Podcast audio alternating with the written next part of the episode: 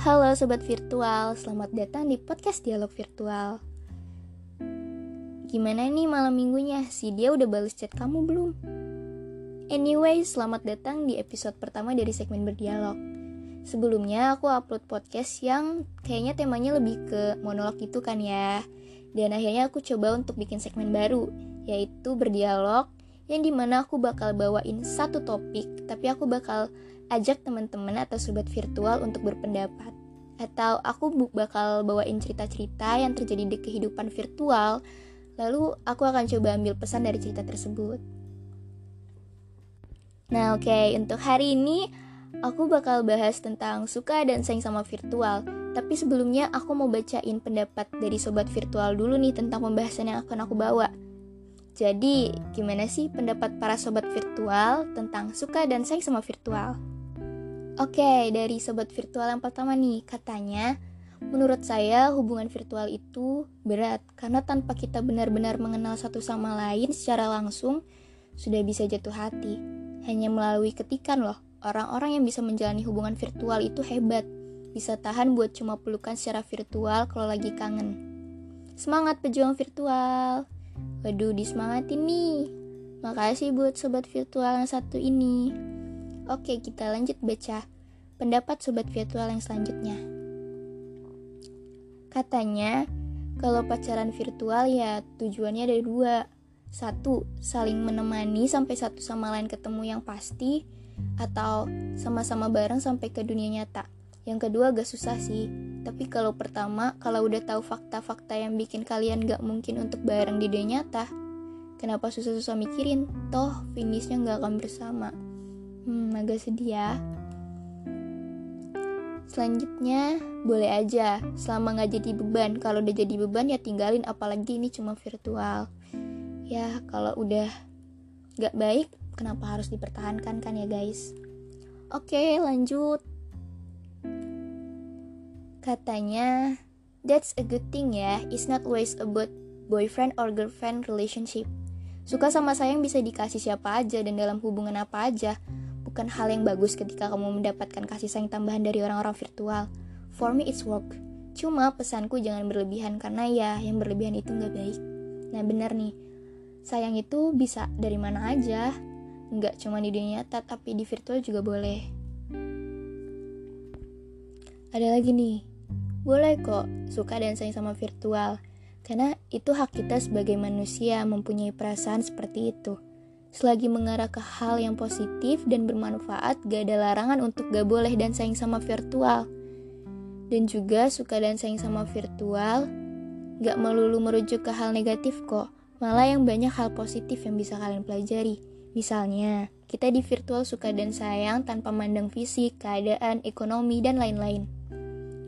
Sesuai sudut pandang dan lingkup pertemanan kalian aja gimana.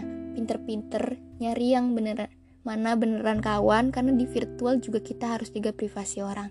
Betul nih. Oke selanjutnya. Ada lagi nih guys katanya depends on what kind of sayang we are talking about here. For me liking or even loving someone you meet on internet is normal since both of you have a daily conversation. And as a human being we are born with feelings so your feelings are valid But if you start to obsess with someone you've never met in real life, that's where go seek some help. Ya ini bener, kalian boleh normal aja gitu sayang sama orang yang kalian temuin di internet. Tapi kalau sampai terobsesi, aku rasa baik di real life atau di virtual itu nggak baik sih guys.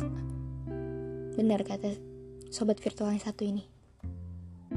Oke, lanjut ke sobat virtual yang selanjutnya nih.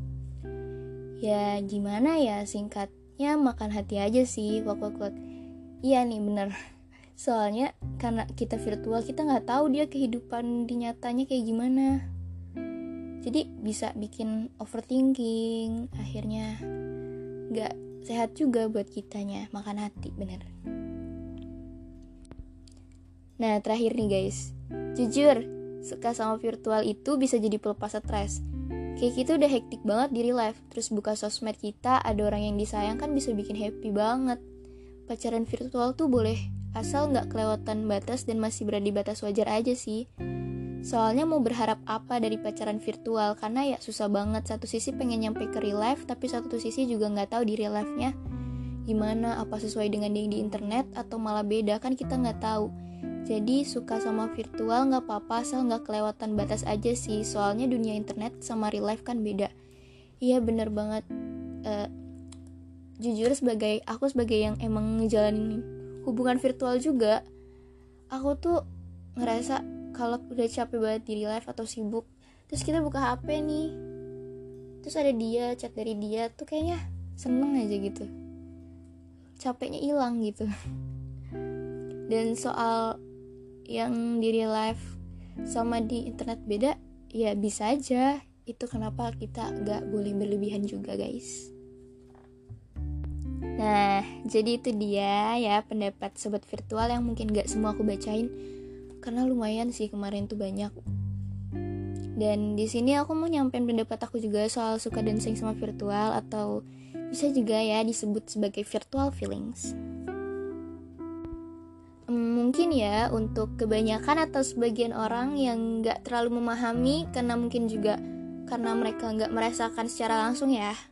Ini agak sedikit aneh karena ya seperti dari namanya virtual berarti cuma lewat dunia maya gitu.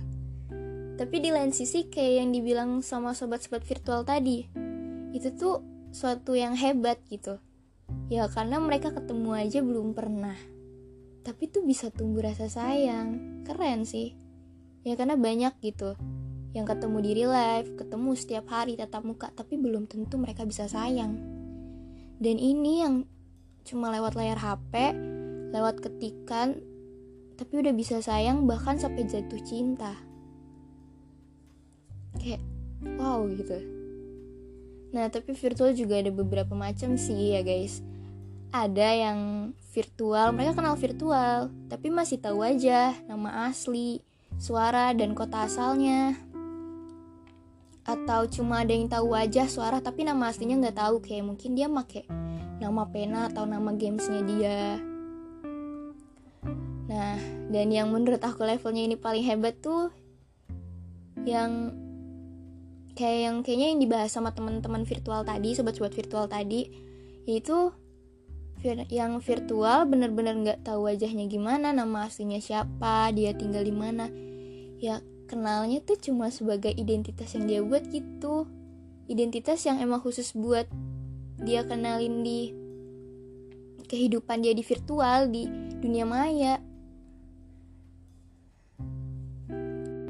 Dan menurut aku tuh itu hebat banget karena seperti mendefinisikan kalimat cinta itu tidak melihat dan dilihat melainkan merasakan dan dirasakan.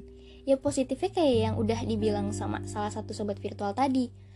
Kita bisa belajar mencintai tanpa mengenal fisik. Bahkan ada yang sampai bucin banget padahal tahu tentang si dia di real, life-nya juga enggak gitu. Tapi ya itu guys.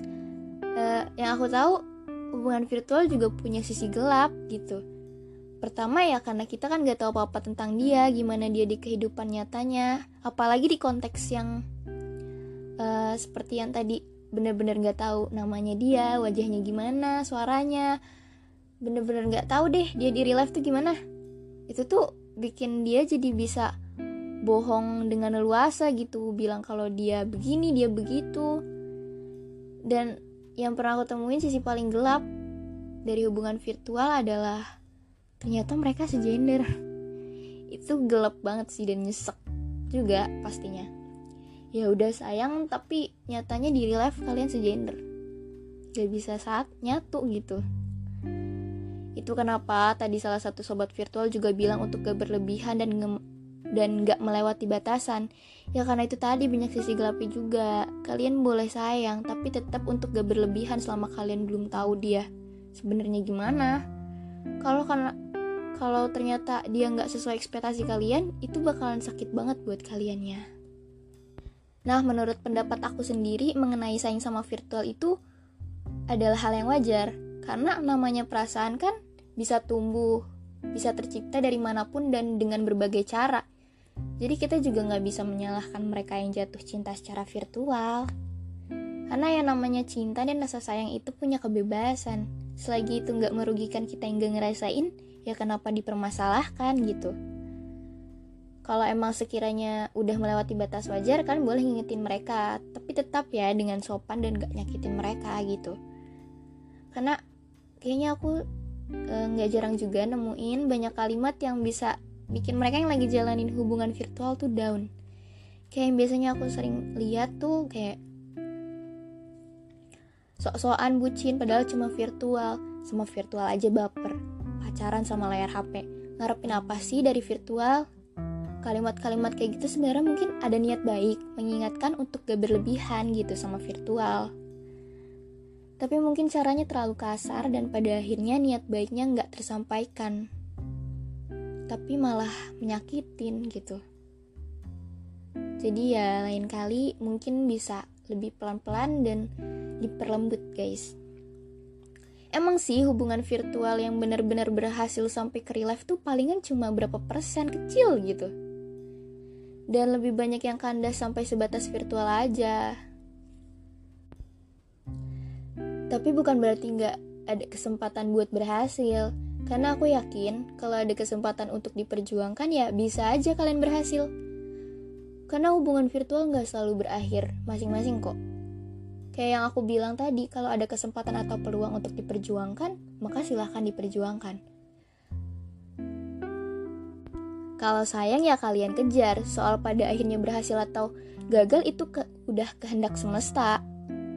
Banyak kok yang dari virtual pada akhirnya berhasil sampai ke real life, ada sampai tunangan bahkan nikah juga. Tapi tetap diinget ya, untuk gak terlalu berekspektasi dan naruh harapan yang terlalu besar. Seperti yang aku bilang, perjuangkan selagi ada kesempatan, tapi kalau dirasa gak ada kesempatan untuk diperjuangkan, maka mari kita ber perlahan belajar ikhlas melepaskan dia untuk bahagia di kehidupan nyatanya. Semangat untuk kalian yang pejuang virtual, semoga kisah kalian berakhir bahagia nantinya.